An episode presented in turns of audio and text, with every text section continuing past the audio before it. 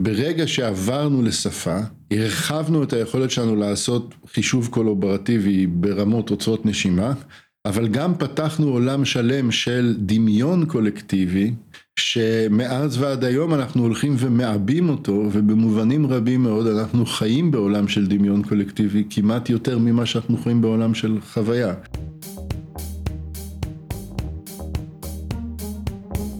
המצב הפוסט-אנושי פודקאסט על טכנולוגיה, תרבות ורוח עם דוקטור כרמל וייסמן.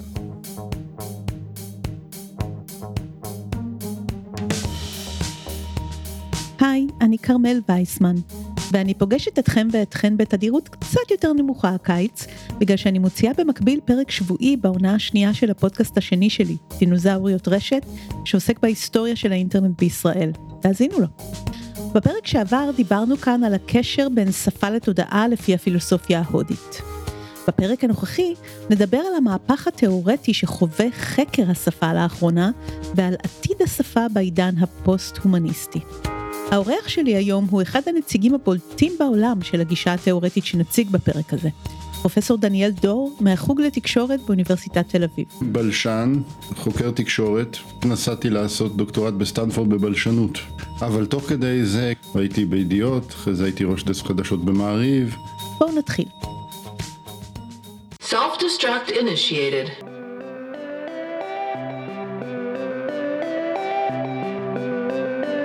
פרופסור דור מחזיק בעמדה ששפה היא צורת תקשורת. יותר נכון, טכנולוגיית תקשורת. ואם זה נשמע לכם ולכן מובן מאליו או טריוויאלי, אז מסתבר שזה ממש לא. למעשה, עד לאחרונה, זאת לא הייתה עמדה מקובלת. כשאני נכנסתי לבלשנות, זאת הייתה העמדה המוקצת מחמת מיאוס. התפיסה השלטת הייתה תפיסה חומסקיאנית, שהיא כשלעצמה אמנם אמרה על עצמה שהיא המציאה את הכל מחדש, אבל היא הייתה מבוססת גם על היסטוריה ארוכה של תפיסות אחורה לדה ססור, אחורה למאה ה-19, אחורה לנאורות, אחורה לתחילת העידן המודרני, אחורה עד ליוון העתיקה, שכולם בעצם חשבו על השפה לצורך העניין כאמצעי אפיסטמי, ככלי שבאמצעותו אנחנו עושים קטגוריזציות לדברים, באמצעותו אנחנו מנסחים מחשבות, באמצעותו אנחנו מגיעים למסקנות.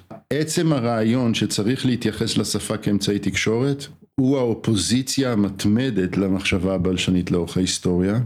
מאז ומתמיד, מאז יוון העתיקה, הרעיון היה, תשמעו, גם בעלי חיים יודעים לתקשר.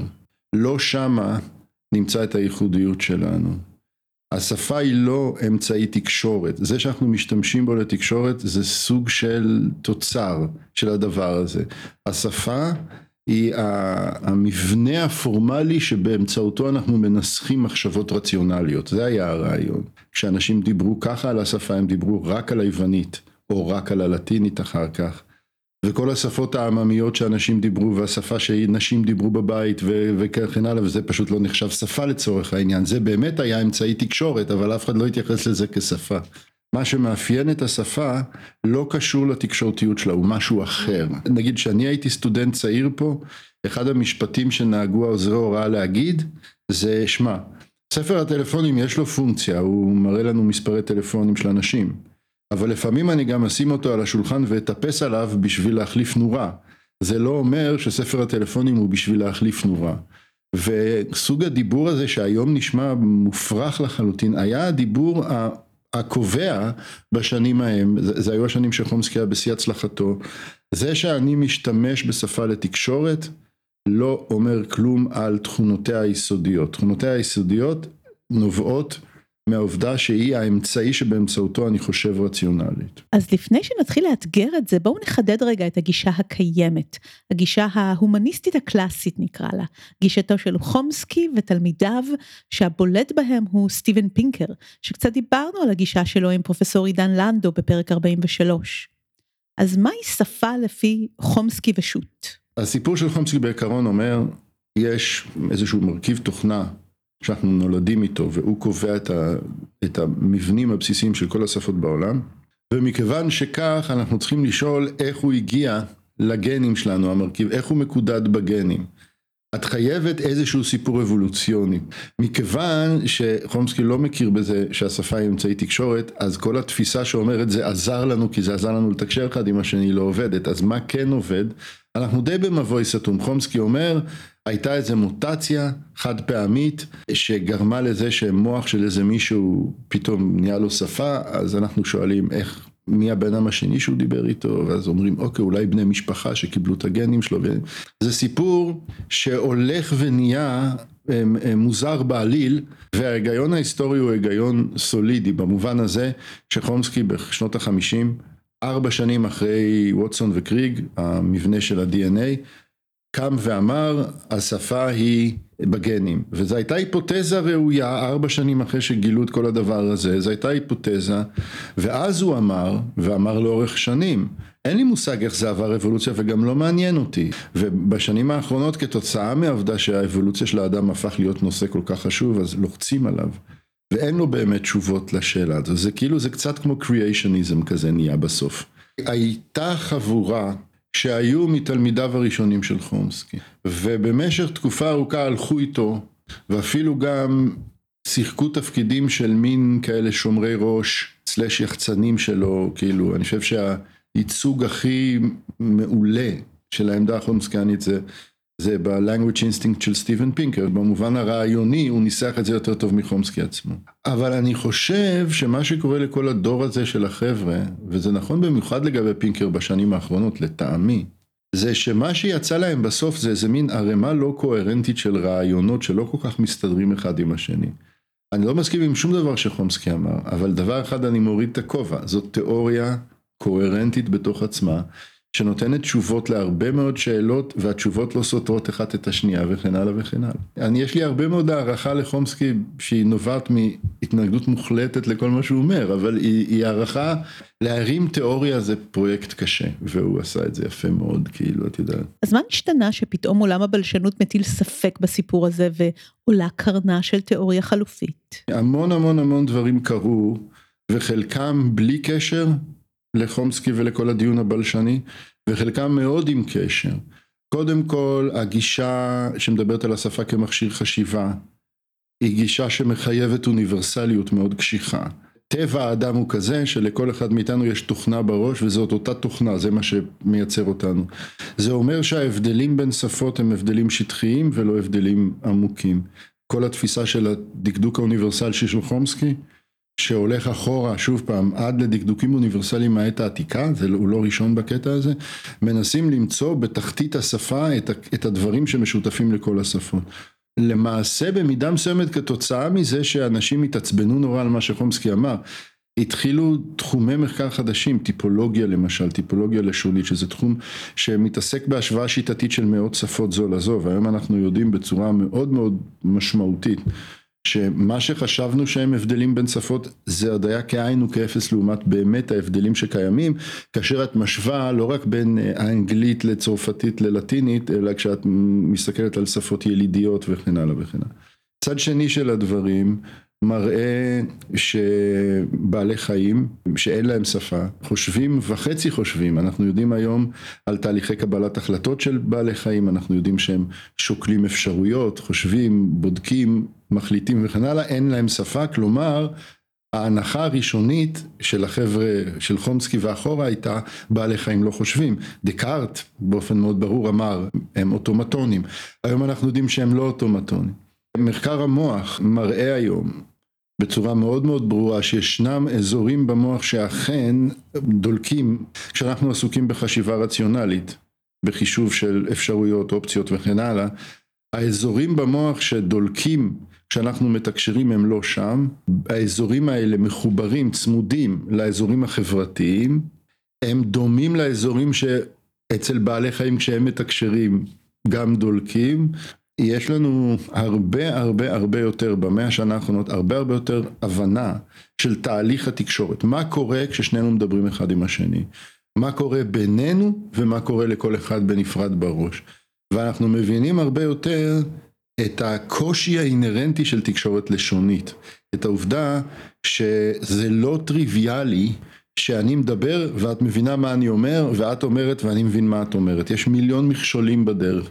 בין השאר לא בהכרח המילים שלך יגידו אותו דבר מה שהם אומרים לי ועוד מיליון דברים. ההבנה הזאת גורמת היום ליותר ויותר בלשנים להסביר את חוקי הדקדוק של השפות כמשהו שנוצר חברתית מאין סוף פשרות בין דוברים ונמענים על איך אנחנו רוצים לארגן בינינו את המערכת הזאת. מרגע שיש לך דרך יותר טובה להסביר דקדוק באמצעות אינטראקציה, ואת תופסת יותר טוב את העובדות מאשר באמצעות ההנחה שיש איזה תוכנה במוח שמגדירה את זה אחת ולתמיד, אז מכל הדברים האלה ביחד, את מקבלת תמיכה הולכת וגוברת לרעיון ההוא. הגישה החדשה לשפה שפרופסור דור מייצג היא למעשה גישה פוסט-הומניסטית. המאבק הרעיוני שאני נמצא בו, לא אני רק, כל חבריי בצד הזה של הדיון, זה שכל התפיסה האחרת, שהנציג האחרון שלה זה חומסקי אבל הולכת חזרה עד לאפלטון, מבוססת באיזשהו מקום על תחושת עליונות בלתי ניתנת להפרה שלנו על פני כל היצורים בעולם חוץ מהאל. People were invested in that בצורה מאוד מאוד רצינית, יש לאורך ההיסטוריה מלא רגעים כאלה שאנשים אומרים רגע מה מה, הרי הבעלי חיים גם מסוגלים זה וזה וזה, לא לא לא זה עולם אחר אנחנו משהו שונה. ואני חושב שחלק מהרעיון של לדבר על השפה כטכנולוגיה אומר שאנחנו כבני אדם לא שונים אינדיבידואלית כחיות, אנחנו לא שונים באיזשהו מובן מופרע כזה מבעלי החיים, אלא מצאנו אסטרטגיה שהם עדיין לא מצאו ורצנו איתה קדימה. אני חושב שזאת עמדה הרבה יותר הומניסטית והרבה יותר אה, נכונה, אבל היא, היא, היא פוגעת בציפור נפש של הרבה אנשים, אני חושב. כשאת מסתכלת על כל מה שאנחנו לומדים מפלאונטולוגיה ומארכיאולוגיה של הזמן הקדום ומכל שאר האלמנטים שמתערבבים בדיון הזה על האבולוציה של האדם, מה שמאפיין את המין האנושי והופך אותו לייחודי מכל שאר המינים. זה בעצם שינוי מהותי באיך אנחנו עושים mental computation, איך אנחנו עושים uh, חישוב מנטלי, כאשר הרעיון אומר בעלי החיים שחשבנו תמיד שהם הרבה פחות טובים מאיתנו בחישוב uh, מנטלי, הם טובים מאיתנו, הם טובים כמונו באותה מידה במיליון דברים. רק מה, הם אינדיבידואליסטים. במובן הזה שכל החישובים קורים במוח של החיה פר כל המטרות החישוביות שהיא צריכה. זה כולל את זה למשל שבעלי חיים לומדים אחד מהשני. אבל אם נגיד אני עושה משהו ואת צופה בי ולומדת איך לעשות את זה, אז החישובים המנטליים שלי נעשים ביני לבין מה שאני עושה, והחישובים המנטליים שלך נעשים בינך לבין עצמך. אנחנו כבני אדם כנראה לפני משהו כמו שני מיליון שנה, פרצנו את גבולות הבדידות החישובית והתחלנו לעבוד כמו מחשבים שנמצאים על רשת של עיבוד מקבילי כזה. התחלנו לחלק בינינו את המאמץ החישובי, התחלנו לשלוח אחד לשני חתיכות חישוב, תעשה את זה, תחזיר לי. התחלנו לחשוב ביחד, התחלנו להתייעץ ביחד, התחלנו להמציא ביחד וכן הלאה וכן הלאה. כלומר, אנחנו בהדרגה, אנחנו עדיין בתוך התהליך האבולוציוני הזה, האדם הוא לא חיה שגמרה את האבולוציה שלה, אז כאילו, אנחנו עדיין בתהליך שבו כל התפתחות שקורית, מגדילה את מידת היכולת שלנו לעשות חישוב קולבורטיבי ואת יכולה להכניס שם את הרשתות החברתיות ואת הפלאפון, זה עדיין המשכים של אותו סוג של העמקה של אותה יכולת שבעטייה אנחנו גם הולכים ומאבדים את היכולת שלנו לעבוד מנטלית לבד, כאילו ככל שזה יותר מעמיק ככה היכולת שלנו להישרד בעצמנו הולכת וקטנה. המטאפורות שפרופסור דור עושה בהן שימוש הן מטאפורות מעולם המחשוב. אבל לא בכדי, כי בעיניו כאמור שפה היא טכנולוגיה, היא אמצעי תקשורת שהתפתח כתוצאה מצורת החישוב החדשה הזו. בשביל לעשות חישוב קולבורטיבי כזה, לעשות חישוב שיתופי, בשביל לעבוד ביחד מנטלית, אנחנו צריכים אמצעי תקשורת מסוג חדש. כמו את רואה את זה גם במחשבים, כאילו יש הבדל בין, בין פרוטוקול התקשורת שאת צריכה בין מחשב למדפסת, שהמחשב אומר למדפסת מה הוא רוצה והמדפסת מדפיסה, לבין מצב שיש מחשב אחד שמחלק הוראות למאה מחשבים לעשות דברים, הפרוטוקול הוא שונה כי הוא צריך להגיד להם מה לעשות בצורה שזה לא אותו דבר עם המדפסת, אז גם אנחנו היינו צריכים להמציא כאלה דברים. ולפני 200, משהו כמו שני מיליון שנה כנראה, בני אדם המציאו את השיטה הראשונה לעשות עבודה משותפת מנטלית, לחשוב ביחד, וזה אמצעי התקשורת שאנחנו קוראים לו היום מימזיס, מימטיקה. שימו לב, אין הכוונה למימטיקה כמו הממים של דוקינס, שגם לזה נגיע בסוף הפרק ממקום אחר, אבל כרגע הכוונה למה שאנחנו מכנים אולי מימיקה. מימטיקה זה אוסף ההתנהגויות שכוללות הצבעה על דברים, הדגמה עם הידיים, איך לעשות דברים, תנועות כמו כן ולא וכאלה שהן לא לשוניות, חיקויים של קולות, פנטומימה, מבט בעיניים כמו שאנחנו מסתכלים עכשיו אחד לשני בעיניים וכן הלאה. הבן אדם שהעלה את המימטיקה לכותרות בעולם האקדמי היה מרלין דונלד כבר בשנות ה-80 של המאה ה-20, פסיכולוג קוגניטיבי מאוד חשוב. הרעיון אומר שאוסף התנועות האלה מצד אחד בעלי חיים אין להם אותו, בעלי חיים לא מצביעים למשל אה, על דברים. אה, קופי אדם שנמצאים שנים במעבדות ומלמדים אותם להצביע, לומדים להצביע אבל הם מצביעים רק על אוכל שהם רוצים ומישהו, הם לא יכולים להגיע אליו שמישהו אחר יביא להם את זה. תינוקות אנושיים מצביעים בלי הפסקה והם מתחילים להצביע לפני שהם לומדים שפה והם לומדים את השפה על בסיס ההצבעה. מה הרעיון של הצבעה? אם אני מצביע לך על, ה, על הבקבוק הזה, אז בעצם למשך עשירית שנייה את נותנת לי את הזכות לשלוט לך בפרספשן, להגיד לך לאיפה להסתכל. אז אני בעצם עוזר לך במשימת הפרספשן שלך, אה, כי אם, אם לא ראית את הבקבוק, עכשיו תראי אותו אחרי שהראיתי, נכון? ואחרי שהראיתי לך, מה שקורה, אני מראה לך, את מסתכלת על הבקבוק, ואז באופן אוטומטי שנינו מסתכלים אחד לשני בעיניים, לאשר שראית. כלומר, עכשיו הבקבוק הזה הוא חלק מהידע הכולל שלנו.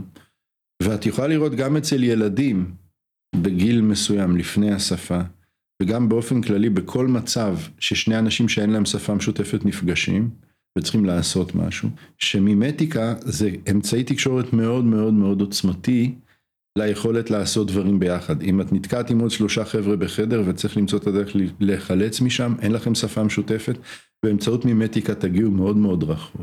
המימטיקה אפשרה לקהילות של בני אדם קדמונים, כנראה ארקטוסים, כבר לפני שני מיליון שנה, להתחיל לחשוב ביחד ולתכנן ביחד ולייצר collective mind בתוך הכאן ועכשיו של החוויה הבלתי אמצעית. כלומר, אם אני בא להצביע לך משהו בחדר אחר, את לא תראי אותו, נגמר הסיפור. אז אני יכול לשחק איתך במימטיק, במימטיקה רק בתוך איפה שאנחנו רואים שנינו. ואם את מסתכלת לפני שני מיליון שנה על אותם ארקטוסים, את רואה שהם עברו קו פרשת מים בהתפתחות פתאום יש לך את הציד של חיות גדולות, פתאום יש לך את כלי האבן, פתאום יש לך את הריטואלים, פתאום יש לך את כל הדברים האלה, וזה אומר שהם עלו על הדרך שבה השרידה כבר לא תלויה במה את יכולה לעשות ומה אני יכול לעשות באופן אישי, אלא באיזה מידה אנחנו מסוגלים לתפקד ביחד לטובת הקהילה ולהרוויח מזה באופן אישי. הדבר הזה החזיק מעמד מצוין במשך מיליון וחצי שנה, עשה מלא מלא עבודה, אבל מתישהו צריך היה לפרוץ את גבולות הכאן ועכשיו, ולהגיע למצב שאנחנו מתקשרים גם על דברים מבחוץ, ועל פי התפיסה שלי, זה בדיוק איפה שנכנסה השפה, על בסיס המימטיקה. ומה שהיא עשתה זה אפשרה את ה-give and take הזה בינינו, על דברים שהם מחוץ לכאן ועכשיו, כלומר, כל האינפורמציה שיש לך שלא נמצאת פה כרגע, אלא מדברים אחרים שקרו לך או יקרו לך, או מחשבות שיש לך בראש יכולה להיכנס לשיחה וגם שלי. כלומר, היכולת שלנו פתאום לעבוד ביחד עלתה לשמיים פרויקטים מסדר גודל אחר לגמרי. בשני המקרים, גם בכניסה לתוך המימזיס לפני שני מיליון שנה, וגם בכניסה לשפה אחרי זה, אנחנו בעצם מדברים על סוג מאוד מסוים של מצב. אני קורא לו אפיסטמיק דיפנדנסי, תלות אפיסטמית. כמובן, זה סתם, זה סכמה, נכון? כי אנחנו לא יודעים מה היה. אבל תחשבי על שני אנשים, א' וב', ונגיד א' זה אני, ואני יודע שחייבים עכשיו ללכת לחדר ההוא, להביא את הדבר ההוא וההוא, כי אחרת אנחנו ניכחד. אני יודע את זה, אבל לא יכול לבצע בעצמי. את כן יכולה לבצע את הפעולה, אבל את לא יודעת את, את האינפורמציה. ואם אני אצליח להעביר לך את האינפורמציה, שנינו נשרד, ואם אני לא אצליח להעביר לך את האינפורמציה, שנינו ניכחד. כלומר, נוצרת כאן תלות בין אנשים שהיא חורגת מהתמונה הקלאסית שאנחנו אומרים כאילו, יודעת, מה אכפת לי מה יקרה לך, העיקר שאני, את יודעת, כל הסוג הזה של הדבר. יש uh, דיבידנדים עצומים ליכולת של מישהו מאיתנו להצליח לקלוט שזה מה שצריך לקרות. והשפה אפשרה את הדבר הזה בזכות העובדה שהיא מעוצבת כטכנולוגיה תקשורת שהפונקציה שלה זה הדרכת הדמיון, זה הרעיון הבסיסי של כל התיאוריה. אני אוהב להגיד טכנולוגיה ולאו דווקא כלי, בשביל שמשהו יהיה טכנולוגיה, הרבה אנשים צריכים להיות מעורבים לאורך זמן בעיצוב ההדרגתי של הדבר הזה, וצריך להיות איזה מין מהלך ארוך. שבו אנחנו מנסים את זה, יש פרוטוטיפ ראשון כמו המטוס של רייט, אנחנו טסים כמה מטר, מתרסקים, שואלים את עצמנו איך אפשר לטוס יותר, מפתחים עוד קצת, משפרים, עוברים מדור ראשון לדור שני לדור שלישי, עושים את כל התהליכים האלה, ככה אני חושב שהשפה התפתחה לאורך מאות אלפי שנים, וזה סוג של התפתחות שמאפיין מערכות טכנולוגיות, ומבחינתי זאת טכנולוגיה, זה כאילו אחת הטכנולוגיות הכי חשובות שהמצאנו בכלל אי פעם.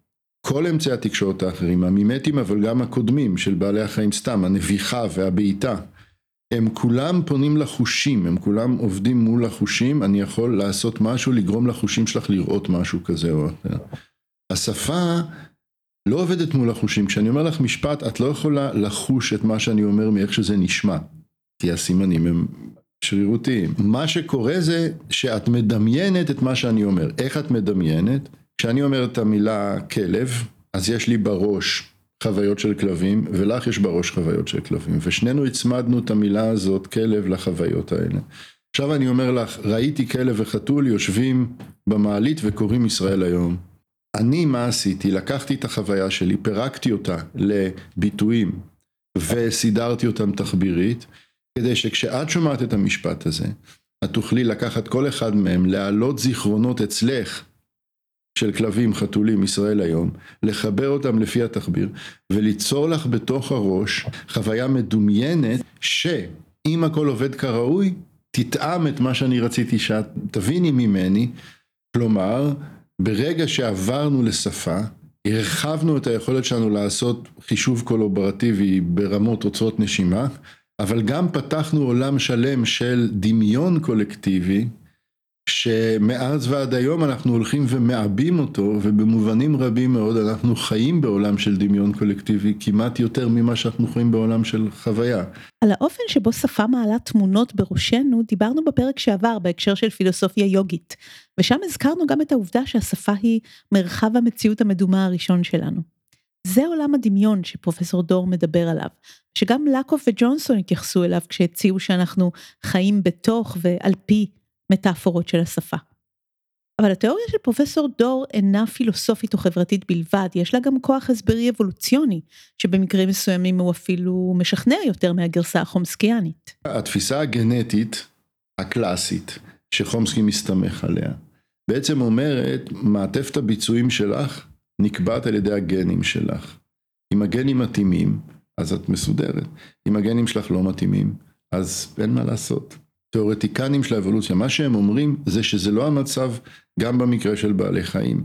בעלי חיים מנסים כל מיני סוגים של התנהגויות מהלחץ, כאילו הם מאלתרים, והרבה פעמים הם מוצאים פתרונות שהם לא במסגרת המעטפת הביצועים של הגנים שלהם. אין שום דבר במעטפת הביצועים של כלבים שמאפשר להם לשחות, אבל אם תציפי חדר ויש שם כלב, הוא ינסה איכשהו להסתדר.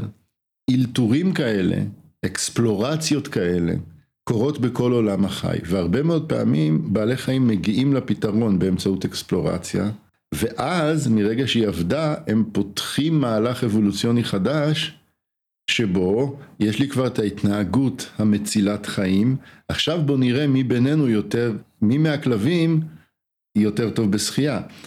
אחר כך ניתן לזה עוד אלפיים דורות או, או אלף דורות ויהיה לנו כלבים עם כאלה כמו של ברווזים ברגליים והם יתאימו את עצמם בהדרגה להמצאות שלהם.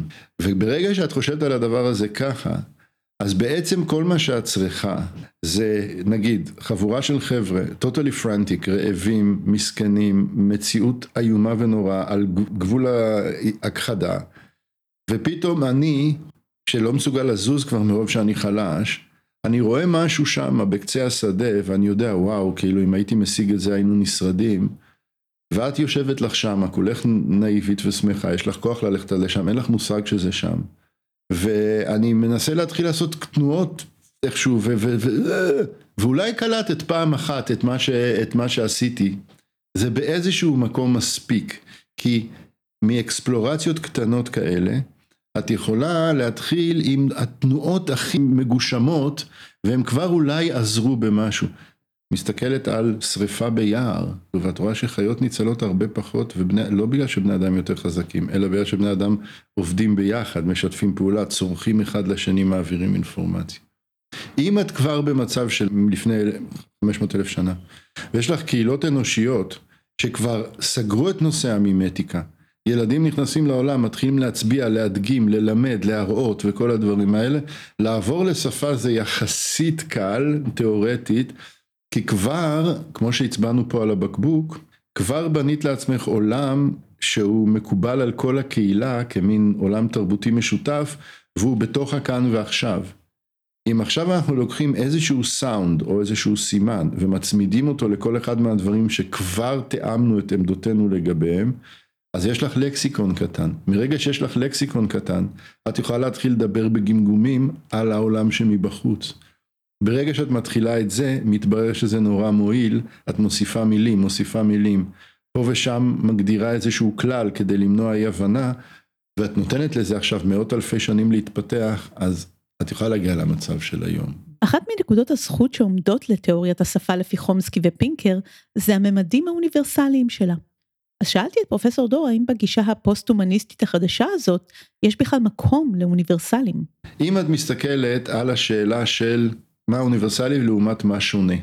שתי התזות הן לא סימטריות. אם את חושבת במושגים של שונות, ואת קודם כל אומרת שפות שונות אחת מהשנייה במיליון דרכים, זה נקודת המוצא שלך. השונות היא החלון שדרכו את רואה את היצירתיות של בני אדם. איך את יודעת על יצירתיות של בני אדם? המציאו ששת אלפים שפות שונות אחת מהשנייה. בכל פינה שאת שמה עשרה אנשים יוצא לך שפה אחרת. אז כאילו מנקודת המבט הזאת. עכשיו אני מראה לך איזה דפוס אחד שהוא נכון בכל השפות האלה. זה לא יפריע לך בשום צורה לשונות הרדיקלית, כי 100% דמיון זה עוד דפוס של שונות, נכון? אז אין לאף אחד בעיה עם זה שהסתכלנו על 500 שפות, הסתכלנו על 50 תכונות שלהם, ומתוך ה-50 יש אחת שמופיעה בכל השפות. בסדר, זה, זה, זה הגיוני שיהיה גם כזה. התפיסה האוניברסליסטית היא שיפוטית במובן הזה שהיא לוקחת את הדבר הזה, התכונה האחת הזאת שמופיעה בכל המאה שפות, שזה יכול להיות מקרי גם לגמרי, את יודעת, והיא אומרת, אה, ah, זה הלב של העניין, כל ה-49 תכונות האחרות לא חשובות, לפני שהכירו בשפות סימנים של חרשים. אנשים אמרו המון שנים, ואולס וקונסוננס זה אוניברסל. זה לא אוניברסל כי יש שפות uh, סימנים. אנשים אמרו and verbs. אז עדיין יש כמה שפות שאנשים מתווכחים עליהן, אולי אין שם בכלל noun ו-verbs. את יכולה לתקשר בלי לעשות, זה לא שאין שם מילים שמתייחסות לרמקולים ולבקבוקים ולהליכה. רק אין שום דבר בדקדוק שמבדיל ביניהם, ה-verbs וה-nouns לא מתנהגים ב... אין כמעט אף תכונה שאפשר להגיד עליה בביטחון שהיא נמצאת בכל השפות, מה גם? כי יש לך ששת אלפים שפות ומשהו, יש לך כמה מאות שפות חקורות היטב, ועוד איזה שלושת אלפים שפות שדוקטורנט אחד עשה שם פעם אחת פילד וורק לשלושה חודשים וכתב איזה טיוטה של, של דקדוק. עד היום בערך 40% משפות העולם עוד לא קיבלו ביקור אחד של בלשן. אבל המון המון שפות, אז כאילו, וככל שאת בודקת יותר שפות, לפני שהן נעלמות, כאילו, כי הן נעלמות בקצב מזעזע, את רואה יותר ויותר הבדלים. איפה את מחפשת את האוניברסלים? אני מחפש את האוניברסלים בתכונות היסודיות הפונקציונליות של הטכנולוגיה הזאת. אין בעולם שפה שמשתמשים בה להתגלח, משתמשים בכל השפות להדרכת הדמיון. אז מה שצריך כדי להדריך את הדמיון צריך מילים, יש בכל השפות מילים. מה התכונות של המילים האלה? כל שפה יכולה לקחת את זה לאן שהיא רוצה, ובלבד שיש מילים. צריך איזשהו דקדוק. כל שפה יכולה להחליט לאן היא רוצה לקחת את זה, אבל צריך להיות איזשהו עיקרון שיאפשר לדוברים ונמענים להבין אחד את השני. דיוויד גיל הבלשן עבד המון, המון על Indonesian והוא מראה שרמת הדקדוק היא בערך אפס כאילו על גבול האפס אין כמעט כאילו את פשוט זורקת על הבן אדם השני ערימות של מילים בלי קשר לסדר למה? הוא מראה שהתרבות והחברה הם כאלה שזה מספיק כדי שתביני מה אני אומר למה אני צריך להגיד הילד ראה את הכלב ולא יכול להגיד ראה הילד הכלב, כי הסכנה היא שאם אני אגיד את זה בצורה השנייה, את לא תביני מי ראה את מי, נכון? אז הוא מראה שבאינדוניז'ן, כתוצאה מכל מיני סיבות, יש ביטחון גדול ביכולת כן להבין אחד את השני, אז יש מעט דקדוק. אז יש לך המון המון דרגות חופש נורא גדולות, שמאפשרות שונות נורא גדולה, כאשר כל השפות כולן הן וריאציות של אותה טכנולוגיה, שאמורה לאפשר הדרכת הדמיון. אז איזה אוניברסלים יש לך? אין שפה בעולם שהתינוקות לומדים אותה שלא על בסיס מימטיקה והצבעה, הנה אוניברסל מצוין. אין לך שפה בעולם שאין בה כלים למה שנקרא repair. אה? צריכה להגיד עוד פעם, כל הדברים האלה, שמה שהם אומרים זה, לא הצלחתי להבין מה אמרת. בכל השפות יש את הדברים האלה, אוקיי? אז יש המון דברים שהם תקשורתיים במהותם, שכן מופיעים בכל השפות, אבל איפה שחיפשו את האוניברסלים כל הזמן, היה במבנים הדקדוקיים, במבנה המילים וכל הדברים האלה, מתוך עמדה שאמרה חייב להיות משהו בבסיס הדקדוק שיושב שם אפריורי, וזה מה שאנחנו אומרים, לא, לא צריך לשבת שום דבר אפריורי. על פי הגישה הזו, כאמור, בני אדם לא באמת שונים מחיות, ולכן בהחלט ייתכן שנמצא את עצמנו בעתיד במעין נרניה כזאת עם חיות מדברות סביבנו. אז יש, יש בן אדם בשם מייקל תומסלו שהוא אחד הפסיכולוגים הקוגניטיביים החשובים של המאה ה-20 יש לו סדרת מאמרים נורא מקסימה על כלבים והוא בא להגיד שכלבים שונים מכל עולם בעלי החיים בדיוק במובן הזה שהם עברו כבר אלפי שנות אבולוציה על ידינו בחרנו אותם להיות קואופרטיביים משתפי פעולה וכן הלאה. אותו דבר את יכולה לראות עם, עם קופי אדם במעבדות כי יש את ה... קוף אדם אה, קנזי המפורסם שהוא קוף בונובו, שחי כבר הרבה שנים בארצות הברית במעבדה של פרופסור סוסה ודרמבו, אחד הדמויות החשובות, והיא לימדה אותו לתקשר, לא בדיבור, כי קשה להם להוציא צלילים מהגרון, אבל במין אה, סימניות כאלה שהוא לוחץ עליהם כמו במין מכונה כזאת, הוא כאילו מקליד. קנזי בכל רגע נתון, יש לו יותר מה להגיד ממה שהוא יכול להגיד. כל הזמן הייתה איזה מין הנחה כזאת שבסדר אין להם שפה נגיד, אין להם מה להגיד אז מה, מה הם צריכים שפה את יודעת. יש לו יותר מה להגיד בכל רגע נתון והוא אוהב את הרעיון שהוא יכול להתקדם עם זה ומצד שני אנחנו עברנו אבולוציה שהתאימה אותנו לטכנולוגיה הזאת, אנחנו התאמנו את עצמנו לטכנולוגיה במשך מאות אלפי שנים.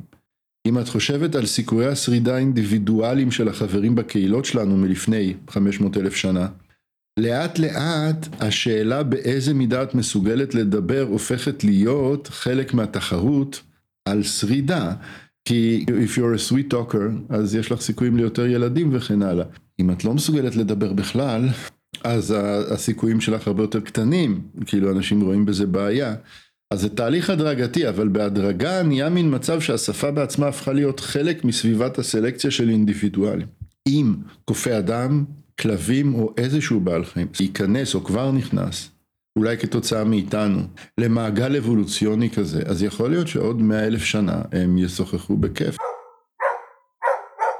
בחמש השנים האחרונות תחום הבלשנות הניב מושגים חדשים לגבי שפה, כמו הפועל languaging. כאילו אנחנו מעין עושים שפה, אני לא יודעת איך מתרגמים את זה לעברית. זה יצירה של השפה כפעולה שיתופית, שבעצם אומרת שהשפה לא נובעת, לא מצויה במוחי או במוח שלכם, אלא היא מתרחשת, היא נרקמת ברגע זה המשמעות באיזשהו תווך שנמצא בינינו. והדבר הזה מתחבר גם לגישה חדשה לגבי תודעה שהיא מבוזרת, שהיא לא מוכלת רק במוח האינדיבידואלי. לכן שאלתי את פרופסור דור, איזו מין הנחה על תודעה יש בתיאוריית השפה שלו. אולי אפילו מה קדם למה בסיפור האבולוציוני שהוא מספר לנו, שפה או תודעה. מי מהן יזמה את הביזור הזה? אני חושב שאם תודעה זה המצב הקוגניטיבי של למידה. אז בוודאי שאמצעי התקשורת הקולקטיביים האלה, שפה ומימטיקה, מייצרים בפועל תודעה קולקטיבית, כי עובדה שבעל חיים, תתפסי אותו, תגידי, מאיפה אתה יודע את זה? אז זה תמיד יהיה כי למדתי את זה בעצמי בצורה כזאת או אחרת. תשאלי אותי מאיפה אני יודע משהו, אז זה תמיד יהיה, ההיא אמרה לי, ואז ההוא אמר לי, ואז ככה ואז ככה. בנינו לעצמנו עולם תודעתי שגבולות האני מאוד מאוד מטושטשים בו. ואני חושב שזה מאוד משמעותי, שאין כמעט שום דבר שאני או את יכולים להגיד, זה אנחנו יודעים רק בגלל עצמנו. הכל בא כל הזמן באינטראקציה עם אחרים. יש דבר כזה שנקרא Theory of Mind, תיאוריה של ה mind, וזה שם מאוד מאוד לא מוצלח לרעיון שגם קופי האדם, בניגוד לבעלי חיים אבל כמונו, יודעים לנחש מה קורה במוח של האחר. אז זה הולך ככה, בעלי חיים אחרים, ההנחה היא שאין להם השערות לגבי מה קורה במוח של העכבר האחר. הם פועלים כשלעצמם, ואם העכבר האחר פתאום את רואה מישהו מתנפל עלייך, את מגינה על עצמך, את רואה מישהו שמעצבן אותך, את תוקפת אותו, כאילו. אנחנו יודעים לגבי שימפנזים, בונובואים וכן הלאה, שהם כבר יושבים, מסתכלים על האחר ושואלים את עצמם מה הוא מתכנן, מה, מה הוא רוצה. ואפשר לראות את זה בכל מיני ניסויים מאוד מאוד מגניבים, כמו למשל, שימי, אה, שתי, ש, אה, נגיד, לא יודע מה, שני עכברים ותתני להם, תשימי להם מולם איזה חתיכת אוכל, או שהם יריבו על האוכל, או שאם מישהו מהם דומיננטי בהרבה מהשני, אז ההוא יושב בשקט והדומיננטי ייקח לאכול. רק אצל אייפס, אם תשימי את שניהם עומדים מול האוכל, אבל תשימי איזה מסך שמסתיר את האוכל מהדומיננט, אז את תראי את ההוא הרססיבי הקטן המסכן, מסתכל, קולט שההוא לא רואה את זה, והולך לקחת למרות שהוא שם. כלומר, מתחיל להיות סוג כזה של דבר. אם את מסתכלת עליי ומנסה להבין מה אני חושב, ואני מסתכל עלייך ומנסה להבין מה את חושבת, אז כבר יש איזה שהם גישורים כאלה, אבל הם עדיין לא באו לידי ביטוי כתקשורת במובן הזה שאנחנו לא מדברים על זה, זה, זה, זה נשאר פרטי כאילו. על הרקע הזה, על הרקע הזה, אם את מוסיפה את המימטיקה כאמצעי תקשורת, אז את סוגרת את המעגל.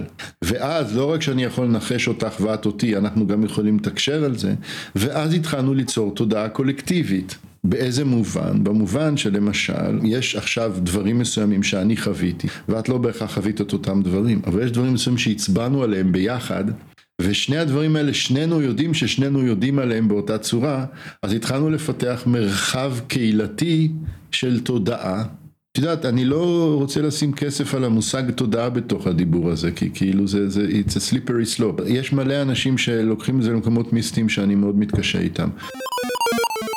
אי אפשר לדבר על עתיד השפה בלי לדבר על מודלי שפה גדולים כמו GPT, ועל השאיפות של אנשים כמו אילון מאסק לדלות את השפה מהמוח בממשקי מוח מחשב. יש אספקט של כל העניין הלשוני הזה שבכלל לא נכנסתי אליו עד עכשיו, והוא העובדה שחוץ מזה שהשפה שאנחנו משתמשים בה היא אותה שפה, הייצוגים המנטליים שלך ושלי למשמעויות של המילים הם ייצוגים שונים. את גדלת במקום אחר, חווית דברים אחרים וכן הלאה וכן הלאה.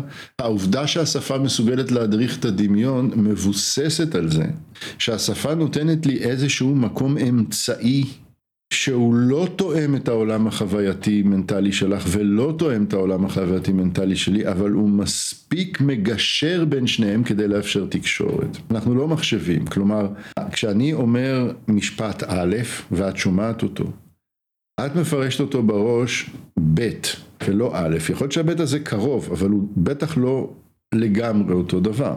ואז כשאת עונה לאלף באמצעות משפט כלשהו ג' אני שומע גרסה ד' שלו. כל שיחה היא, היא, היא במידה כזאת או אחרת שיח של חרשים כאילו במובן הזה ואפילו כשיש לנו שפה משותפת אנחנו יודעים היום ממחקרים של ניק אנפילד והרבה אנשים אחרים ב-conversational analysis שאנחנו מבלים איזה חצי זמן מה, מהדיבור שלנו בלתקן טעויות באמצע נגינה עכשיו כאן אנחנו בסיטואציה את ואני מאוד מיומנים בקטע הזה אז אנחנו יחסית שוטפים אבל אם היית עכשיו בריב עם החבר שלך או אני בריב עם אשתי או משהו, זה לא היה נראה ככה, זה גמגומים, זה התחלות, זה אי הבנות, זה מיליון דברים כאלה. אז השפה, מה שגאוני בה, זה שהיא מייצרת איזה מדיום, במובן העמוק של הדבר הזה, מדיום, שהוא באמצע, שהוא אמצעי בין אנשים שהחוויות האלה, שהחוויות שלהם שונות. אני חושב שאם מישהו כמו אילון מאסק או מישהו אחר ינסה להיכנס לי ולך לראש ולהעביר לנו מסרים ישירים לתוך הדמיון, הוא יגלה שהמסרים האלה לא, אנחנו לא נבין אותם. השפה מאפשרת למשמעות של המשפט שלך להשתנות בדרך, כי את משתמשת במילים ואז אני מפרש את המילים בדרכי שלי. הניסיון הזה להיכנס ישירות לתוך המוח. את יודעת, הוא יכול לייצר בסופו של דבר בני אדם שיהיו תואמים אחד לשני כתוצאה מהטכנולוגיה הזאת, אבל אז אה, הלך פייפן היצירתיות האנושית, נהיה רובוטים כאילו. בספר המאוחר ביותר שלו, חוקי המדיה, מרשל מקלוהן כתב שסלנג וקלישאות זה כל מה שמונע מהשפה להפוך לאלגברה. האמירה הזאתי אה, של מקלוהן היא הגרסה הקנדית או whatever של האמירה של חומסקי בגלל שתורידי את זה ואת זה ואת זה. יש בבסיס איזה אלגברה משותפת שהיא הבסיס שעליו הכל נבנה. אני לא מאמין שזה נכון אני לא חושב שזה ככה. האלגברה הזאת היא באה לידי ביטוי בהיסטוריה בצורה הכי חזקה ברעיון של סובייקט פרדיקט. יוסי הולך סוקרטס יושב, כל הדבר הזה, וכאילו אין סוף דיונים על זה. בעשרות שנים האחרונות אנשים מראים המון שפות שאין בהם נושא. לא משנה, חייב להיות, זה חלק מהאלגברה של השפה, את יודעת. אני לא חושב שיש אלגברה, אני חושב שיש, אני חושב שיש דינמיקה. אני שואלת את פרופסור דור, האם קוד מחשב הוא לא שפה אוניברסלית חדשה, ואולי אפילו מדויקת יותר? והאם לדעתו השפה ניתנת למידול מתמטי? זה כואב לי אפילו לשמוע, לא באמת אני אומר, זה כואב לי אפילו לשמוע, אני מוצא את עצמי מוקף בימים אלה במעריצי צ'אט GPT וכל הדברים האלה, וזה עושה לי רע. הרי מה צ'אט GPT עושה? הוא, crunches numbers ברמות אוצרות נשימה, נכון? והוא מחפש קירובים סטטיסטיים בין כל דבר לכל דבר. אז נגיד שאין אלגברה לשפה, אבל יש אלגברה מסוימת למידה שבה אנחנו אוהבים אבוקדו, אני לא יודע מה, ואז הוא מוצא מיליון וחצי instances של המילה אבוקדו באיזשהו מקום. והמילה הזאת מחוברת לו במרחקים שונים לכל מיני סוגים של, אה, סוגים של אבוקדו, עונות, לא יודע מה, תפריטים, והוא מצליח למצוא היגיון סטטיסטי בתוך הדבר הזה, ככה שכל פעם שתשאלי אותו על אבוקדו, הוא ידע לענות לך משהו הגיוני, אבל הוא טועה בגדול כי, הנת... כי, הוא לא מבין משמעות, הוא רק עושה ניתוח סטטיסטי, כאילו זה, זה מטורף שאנשים לא קולטים את זה. אבל, אבל, נגיד שהוא כן יגיע למצב שהוא ידע לענות לך תמיד נכון על אבוקדו. האם זה אומר שהשפה ניתנת למידול?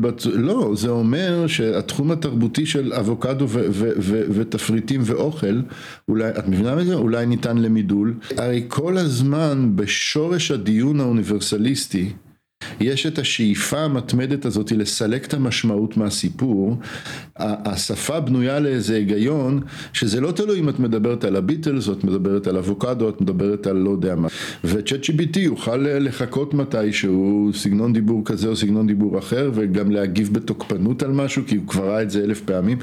וזה עדיין לא אומר שום דבר על זה שההיגיון הזה קיים במבנה הבסיסי של הכלי שאת משתמשת בו. הסיפור האבולוציוני שפרופסור דור הציג לנו, הניח שבני אדם נדרשים לתאם פעולות בסביבה שהולכת והופכת ליותר מורכבת. אבל כיום הסביבה הזאת כבר כל כך מורכבת, שאנחנו מפתחים טכנולוגיות שינהלו ויתאמו את הפעולות האלה באופן אוטומטי, שייתרו את אותו משא ומתן בין בני אדם שפיתח במקור את השפה. ב-2017 התפרסם סיפור של שני בוטים בפייסבוק, שפיתחו שפה משלהם, מעין קיצור אנגלית ללא דקדוק וללא אותיות מיותרות, פשוט כדי להפעיל זה את זה ביעילות ובמהירות רבה יותר. זאת דוגמה לעתיד, שבו את השפה מחליפה טכנולוגיית תיאום יעילה יותר, כזאת שמייתרת את המאמץ התקשורתי בין בני אדם. אם אני רוצה לקנות ממך את החברה שלך, אנחנו לא צריכים לעשות משא ומתן? לא יודעת, אולי הבוט שלי יעשה משא ומתן עם הבוט שלך בשניות. בלי שהמוטיבציות שלנו ייכנסו פנימה? כאילו, אני, אני רוצה לדפוק אותך. הבוט שלי לומד אותי, והוא מכיר את האינטרסים שלי. הבוטים סגרו ביניהם את הדיל האופטימלי, לא בשפה בכלל.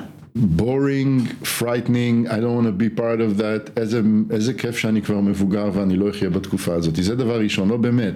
עם כל הכבוד, כשאני מסתכל על התמונה הזאת בתוך ההקשר הרחב של משבר האקלים, המלחמות, הפה, הפה, השם, אני לא מאמין שזה יגיע השלב הזה בכלל. אלא אם כן, אלא אם כן באמת זה יגיע למקום שבו נתחלף בתפקידים. הווה אומר, אנחנו נהיה שרתים של המכשירים, אז סבבה, זה אני מבין. הבוטים ינהלו את החברה. ויסכימו ביניהם ויחליטו והכל. אבל אם את מדברת על בני אדם שיש להם אוטונומיה, חופש, שאיפות, תשוקות, שנאות, כל הדברים החייתיים האלה שמחזיקים אותנו בחיים, מה קורה במצב שבו אחד רוצה לדפוק את השני? כאילו כל הסוג הזה של הדבר. פרופסור דור מתקשה לראות את זה קורה, אבל מבחינתי הכתובת כבר על הקיר בתחומים כמו smart mobility, וזה בהחלט ענף התפתחות אפשרי של בדיוק אותה תיאוריה שהוא מייצג. דיברנו על זה למשל בפרק עם פרופסור ערן פישר, בדוגמה של ניתוב הפקקים של ווייז שמוחק את מרחב הדיון הפוליטי על הזכות לעיר.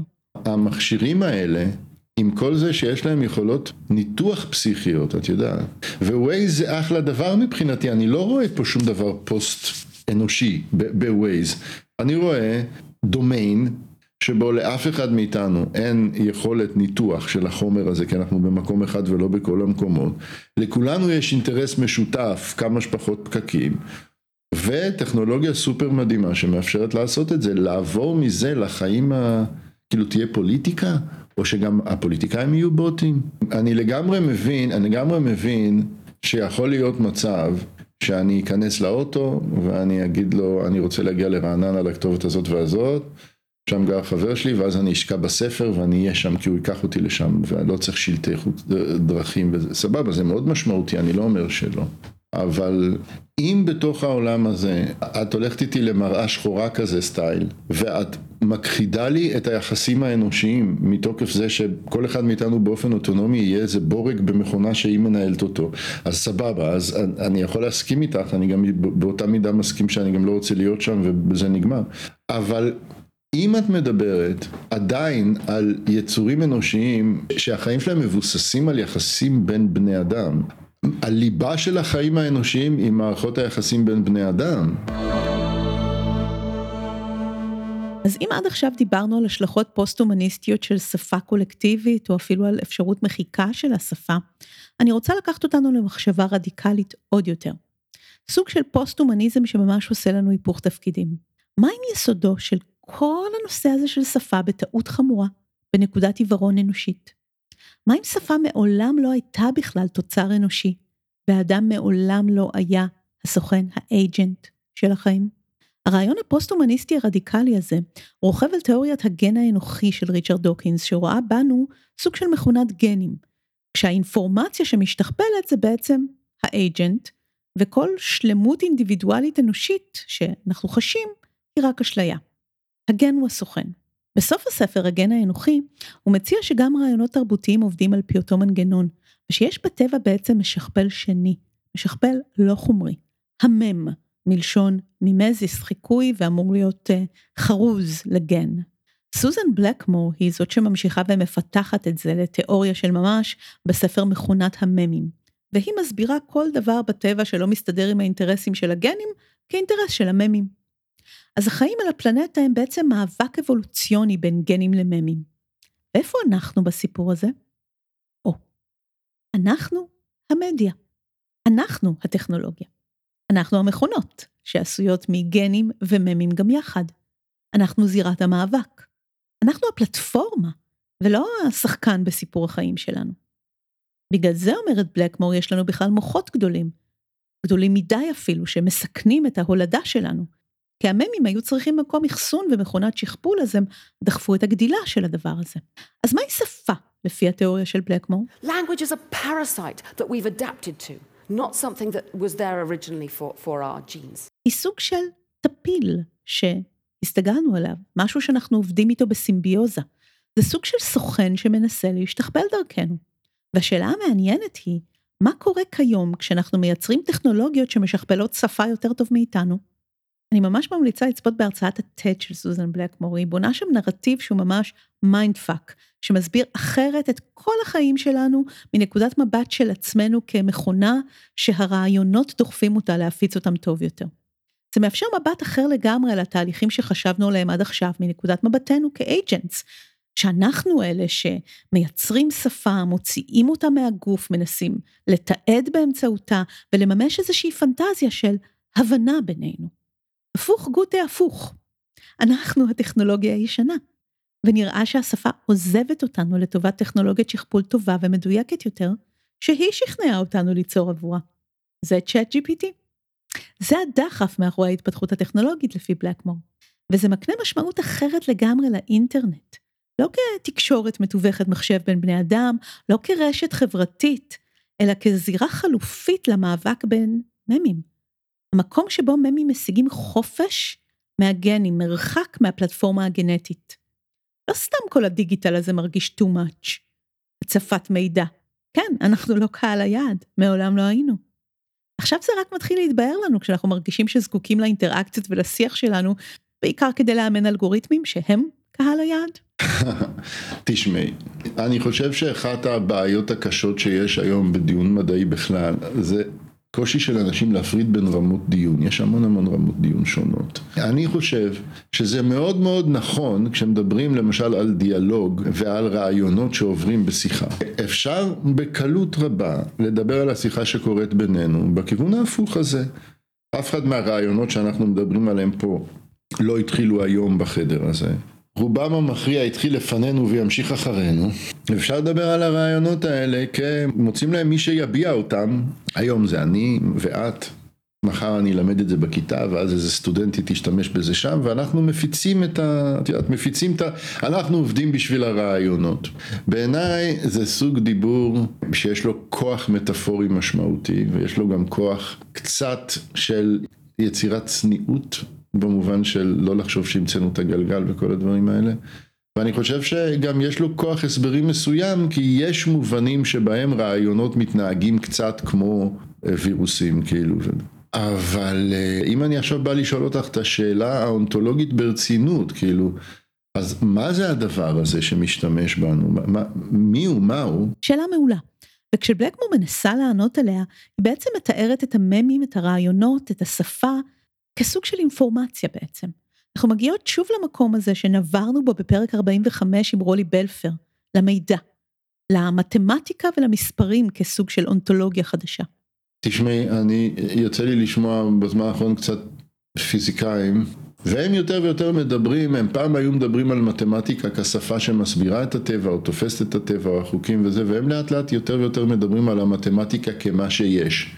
גם אם אני יכול to predict פר גרם של חומר בדיוק מה יקרה בו על פי המתמטיקה, יש שם בכל זאת את השאלה האונתולוגית הבסיסית, מהו החומר הזה, מה, מה זה, what does being mean, אני בכל זאת מרגיש שהאונתולוגיה הבסיסית דורשת מאיתנו דין וחשבון במובן שהיא מבקשת מאיתנו לא לעלות לשמיים של האבסטרקציה בלי להישאר באיזושהי צורה מחוברים. אני מאוד מתקשה לראות איך תמונה שמתחילה מהרעיון שאומר The basic thing is information and then everything emerges from that איך רעיון כזה מבשיל למשהו שלא נשאר כל כך עמום מבחינה אונתולוגית שאני לא יודע מה הוא אומר.